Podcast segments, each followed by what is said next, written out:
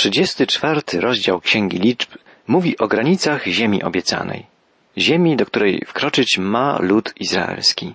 Jest to bardzo ważny fragment czwartej Księgi Mojżeszowej, bo określa dokładnie, jakie ziemie Bóg obiecał dać Izraelowi na zamieszkanie. Tutaj znajdziemy stwierdzenie, że ziemia ta dana jest Izraelowi na wieczne posiadanie. Niezależnie od wielu sprzecznych opinii różnych narodów, różnych organizacji i różnych środowisk, zgodnie z Bożym Słowem, ziemia ta należy do Izraela. W pierwszych wierszach 34 rozdziału Księgi Liczb czytamy Mówił dalej Pan do Mojżesza Daj Izraelitom następujący rozkaz. Gdy przyjdziecie do ziemi Kanaan, wtedy obszarem, który wam przypadnie jako dziedzictwo, będzie ziemia Kanaan w swoich granicach. Najpierw Bóg określa granicę południową Kanaanu. Czytamy, południowa jej strona ciągnąć się będzie dla was od pustyni Sin aż do Edomu. Wasza południowa granica wyjdzie na wschodzie z krańca Morza Słonego. Następnie skieruje się ku południowi, ku wzgórzu Skorpionów. Przebiegnie przez Sin na południe od Kadesz Barnea. Stąd pójdzie do Hasar Adar i ciągnąć się będzie do Asmon. Od Asmon pobiegnie w kierunku potoku egipskiego i zakończy się przy morzu. Potem Boży Palec kreśli granicę zachodnią. Czytamy w wierszu szóstym. Waszą granicą zachodnią będzie Wielkie Morze. To jest dla was granica zachodnia. Wielkie Morze to oczywiście Morze Śródziemne. Dalej Bóg kreśli granicę północną Kanaanu. Wasza granica północna pobiegnie następująco. Przeprowadzicie linię od Wielkiego Morza aż do góry Chor. Od góry Chor prowadźcie linię do wejścia do Hamat. Granica będzie sięgać do Sedat. Następnie pobiegnie dalej do Zifron i zakończy się w Hasar Enan. To będzie wasza północna granica. Mówiliśmy już, gdy śledziliśmy drogę izraelskich zwiadowców, którzy badali ziemię Kanaan około 38 lat wcześniej, że wejście do Hamat to dolina między Hermonem a Libanem, prowadząca do syryjskiego miasta Hamat. Północna granica ziemi obiecanej biegnie więc od Morza Śródziemnego do góry Chor, dalej wzdłuż doliny pomiędzy Hermonem a Libanem, a potem poprzez Sedat do Hazar Enan. I na końcu Bóg podaje granicę wschodnią Kanaanu. Jako wschodnią granicę przeprowadzicie linię od Hazar Enan do Szefam.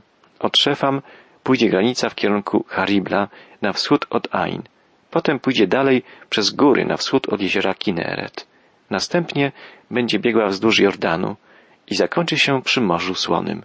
To będzie wasz kraj ze swymi granicami wokoło. Podział Kanaanu pomiędzy plemiona ma odbywać się poprzez losowanie. Czytamy o tym od 13 wiersza 34 rozdziału Księgi Liczb. Wtedy Mojżesz dał taki nakaz Izraelitom. To jest kraj, który macie podzielić losem, a który Pan nakazał dać dziewięciu i pół pokoleniom. Pokolenie bowiem Rubenitów otrzymało już posiadłość dla swoich rodzin, podobnie pokolenie Gadytów i połowa pokolenia Manasesa. Oni otrzymali już swoje dziedzictwo. Te dwa i pół pokolenia otrzymały swoje dziedzictwo z tamtej strony Jordanu, naprzeciw Jericha, na wschodzie. Pokolenie Rubena, Gada i połowa plemienia Manasesa z własnego wyboru zamieszkają po wschodniej stronie Jordanu, a więc poza Kanaanem. Pozostałe dziewięć i pół plemienia podzielą Kanaan pomiędzy siebie. Bóg wyznaczył osoby odpowiedzialne za przeprowadzenie tego podziału. Czytamy, tak mówił dalej Pan do Mojżesza. Oto imiona ludzi, którzy wam podzielą ziemię. Kapłan Eleazar i Jozue, syn Nuna. Weźmiecie dalej z każdego pokolenia jednego księcia celem dokonania podziału. Oto imiona tych ludzi. Dla pokolenia Judy Kaleb, syn Jefunego. Dla pokolenia Symeona Samuel, syn Amichuda. Dla pokolenia Beniamina Elidat, syn Kislona. I tak dalej. Tekst biblijny wymienia kolejnych przywódców plemion, odpowiedzialnych za dopilnowanie, żeby podział Kanaanu przeprowadzony był sprawiedliwie i uczciwie. Dla nas lista imion książąt izraelskich nie jest istotna. Może poza odnotowaniem faktu, że jest wśród nich Jozue i Kaleb. Kaleb jako jedyny obok Jozułego przedstawiciel starego pokolenia wkroczył do ziemi obiecanej.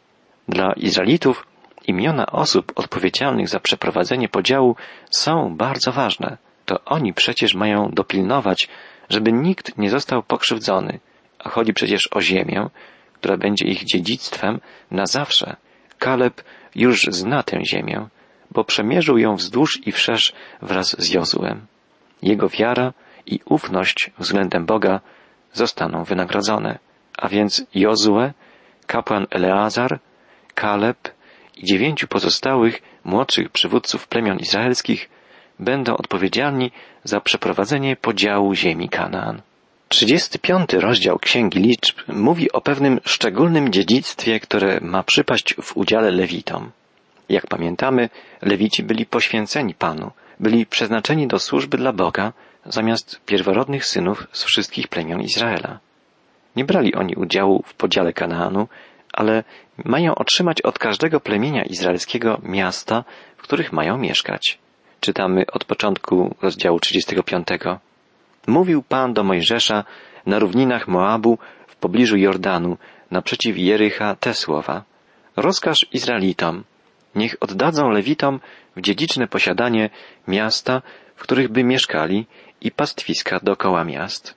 Miasta będą im służyć za mieszkanie, a należące do nich pastwiska będą dla ich bydła, trzód i wszelkich zwierząt.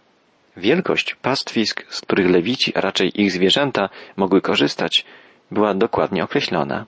Czytamy pastwiska miast, trzód i wszelkich zwierząt, które oddacie do użytku lewitom, mają się rozciągać na tysiąc łokci wokół jego murów.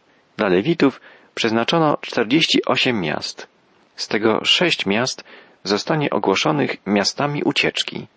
Czytamy Odmierzcie poza miastem dwa tysiące łokci od strony wschodniej, dwa tysiące łokci od strony południowej, dwa tysiące łokci od strony zachodniej i dwa tysiące łokci od strony północnej, by samo miasto leżało w środku.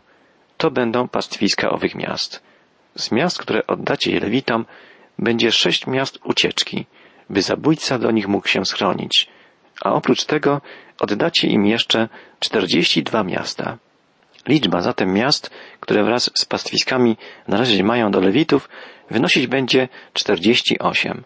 Przy wyborze miast, które oddacie z dziedzictwa Izraelitów, weźmiecie z większego pokolenia większą ich liczbę, a z mniejszego mniejszą.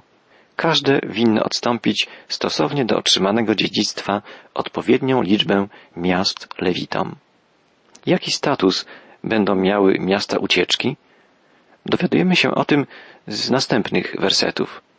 Tak mówił dalej Pan do Mojżesza. Powiedz Izraelitom, co następuje. Gdy wejdziecie przez Jordan do ziemi Kanaanu, wybierzcie sobie miasta, które służyć wam będą za miasta ucieczki. Tam będzie mógł się schronić zabójca, który zabił drugiego nieumyślnie. Miasta te będą dla was schronieniem przed mścicielem krwi, by zabójca nie poniósł śmierci, zanim nie stanie przed sądem społeczności.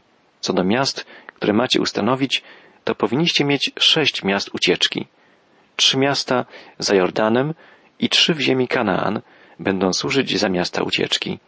Owe sześć miast winny służyć za schronienie zarówno Izraelitom, jak i obcym oraz tym, którzy osiedlili się pośród was. Tam może uciekać każdy, kto zabił drugiego nieumyślnie. Lewici mieli spośród 48 podarowanych im miast wytypować trzy miasta ucieczki na wschodnim brzegu Jordanu i trzy w ziemi Kanaan. Człowiek, który nieumyślnie zabił kogoś, mógł się w takich miastach schronić przed zemstą mściciela krwi. Mściciel krwi, po hebrajsku Goel, to najbliższy krewny zamordowanej osoby, który według pierwotnej moralności wschodu miał prawo dokonać prywatnej zemsty. Miasta ucieczki było miejscem schronienia przed samosądami i przed często niezasłużoną nienawiścią krewnych rzekomej ofiary. Schronienie się w takim mieście umożliwiało przeprowadzenie uczciwego, zgodnego z prawem religijnym i świeckim procesu. Czytamy dalej. Gdyby ktoś drugiemu zadał cios z nienawiści albo rzucił się na niego w zbrodniczym zamiarze, tak jeś tamten umarł, albo gdyby w złości zadał ręką cios śmiertelny, wtedy ten, który uderzył, ma być zabity. Jest bowiem zabójcą i mściciel krwi może go zabić, kiedy go spotka. Gdy mu jednak zadał cios nie z nienawiści, albo gdy rzucił na niego jakimkolwiek przedmiotem, ale nie w zamiarze zabicia, lub też nie widząc spuścił na niego kamień, który może zabić, tak iż tamten rzeczywiście umarł, chociaż nie był mu nieprzyjazny i nie chciał mu nic złego uczynić, wtedy według powyższych zasad społeczność rozstrzygnie pomiędzy zabójcą a mścicielem krwi.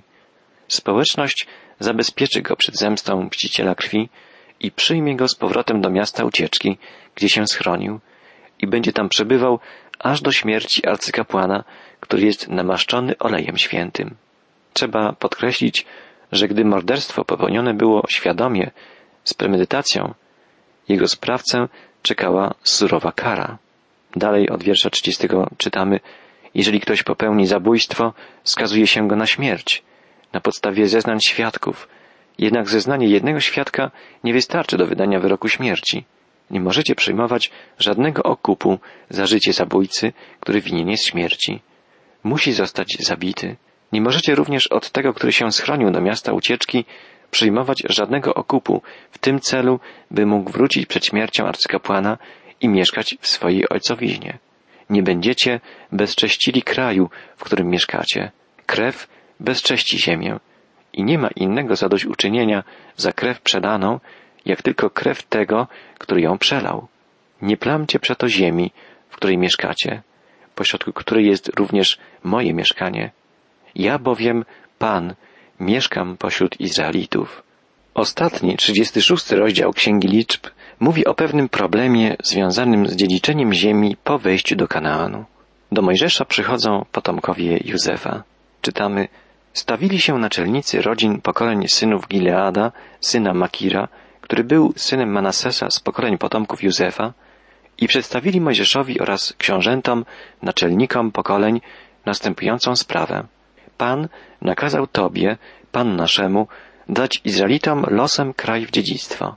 Otrzymał również Pan nasz od Pana Boga polecenie, żeby dać dziedzictwo naszego brata Selofhada jego córkom. Gdy one poślubią męża z innego pokolenia Izraelitów, ich część będzie odłączona od działu naszych przodków, a dodana zostanie do działu pokolenia, z którego mężów poślubią.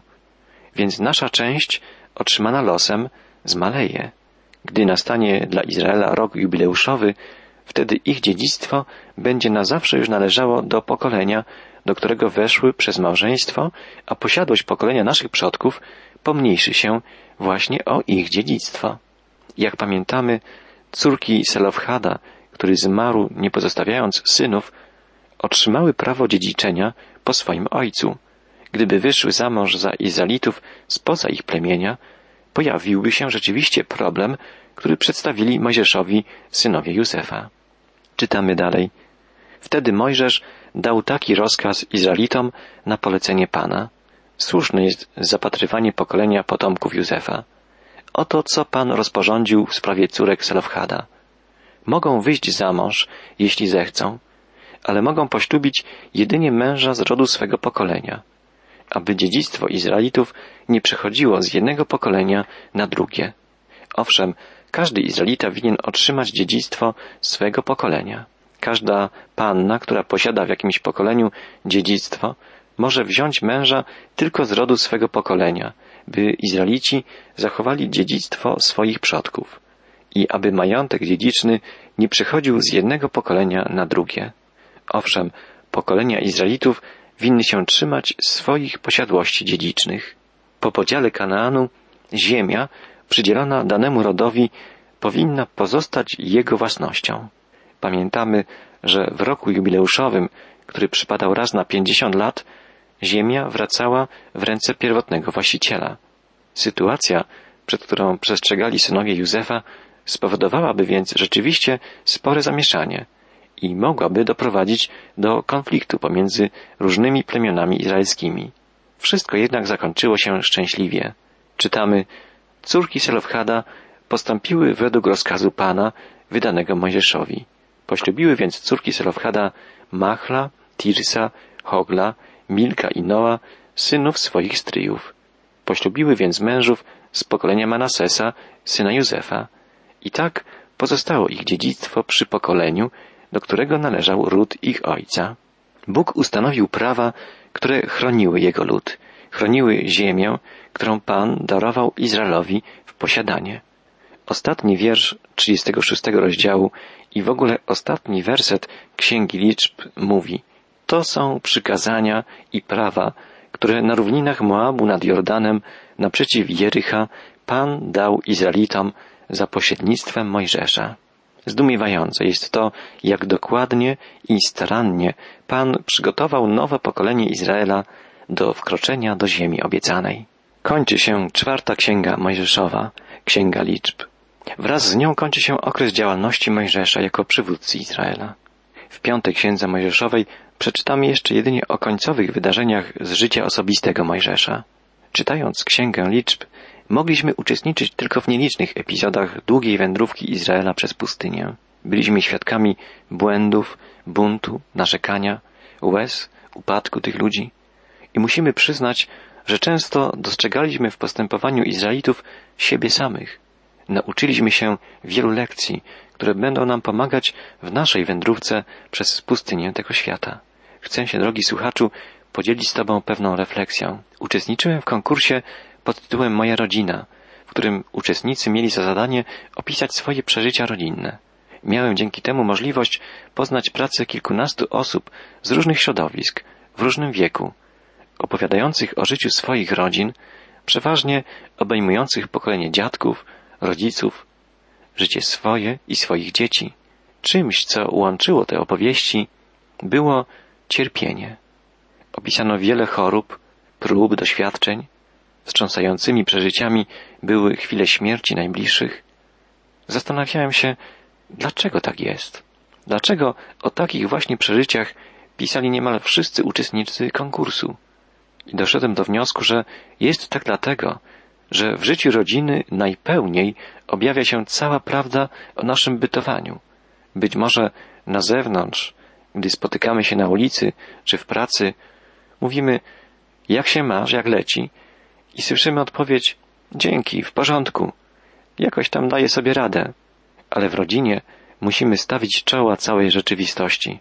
Nie uciekniemy przed żadnym problemem.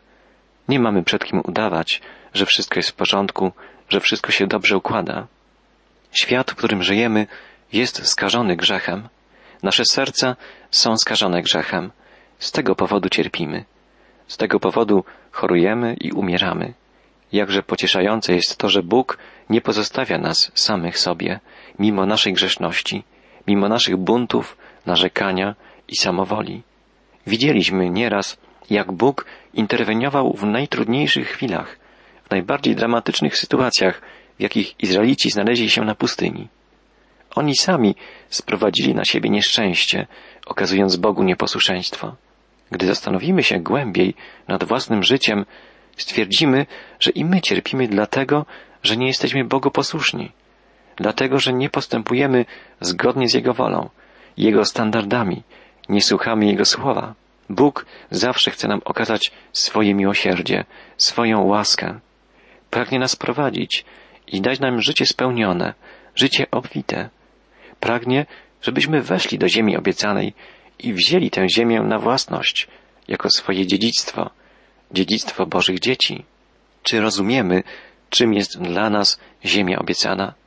Czy wiemy po naszych wspólnych rozważaniach, co to znaczy w rzeczywistości duchowej przekroczyć Jordan? Jordan oddziela pustynię od ziemi Kanaan. Możemy żyć na pustyni tego świata jako duchowi słabeusze, ciągle narzekający na Boga, skoncentrowani na sobie. Albo możemy żyć w krainie obfitości, krainie Bożych błogosławieństw. Wody Jordanu symbolizują Boże Słowo i Bożego Ducha, który może ciągle na nowo nam słowa Boga ożywiać i przemieniać nas, oczyszczać i uświęcać. Musimy przeżyć kąpiel duchowego odrodzenia poprzez przyjęcie tego najważniejszego, co mówi nam Boże Słowo, że Syn Boga, Jezus, jest naszym Zbawicielem, że zmarł dla nas i zmartwychwstał. Musimy przeżyć kąpiel odrodzenia, ale także dalej na co dzień poddawać się pod oczyszczające działanie Bożego Słowa i Bożego Ducha. Gdy tak się dzieje, przebywamy z Panem w ziemi obiecanej. Ty i ja możemy na co dzień przeżywać wspaniałą więź z Panem, cudowność Jego błogosławieństw, gdy nasze życie jest życiem wiary, gdy przebiega pod znakiem śmierci i zmartwychwstania naszego Zbawiciela.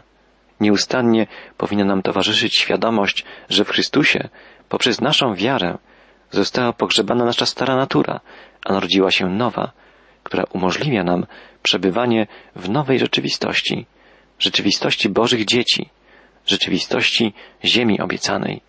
List do Hebrajczyków nazywa takie życie wiary odpocznieniem w wierze.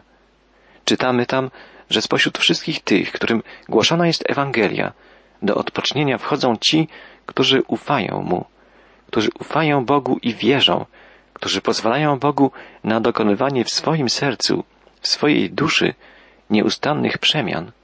Bóg ciągle do nas przemawia i pragnie, by Jego Słowo przenikało nas, byśmy wzrastali w poznaniu Bożego Słowa i byli coraz bardziej posłuszni Jego woli. Pomódlmy się. Drogi Ojcze, dziękujemy Ci za wszystkie lekcje, których udzieliłeś nam, gdy czytaliśmy i rozważaliśmy Księgę Liczb. Pragniemy, Panie, by Twoje słowo przenikało nas, by nas przemieniało, budowało, by wzmacniało naszą wiarę. Ojcze, chcemy wzrastać w posłuszeństwie i w ufności względem Ciebie. Chcemy, Panie, przeżywać obfitość Twoich błogosławieństw. Spraw to, Ojcze, dla zasług Twego Syna, naszego Zbawiciela. W Jego imieniu do Ciebie przychodzimy i dziękujemy, że nas słyszysz i przyjmujesz jako odkupionych i oczyszczonych przez Jezusa Chrystusa. Amen.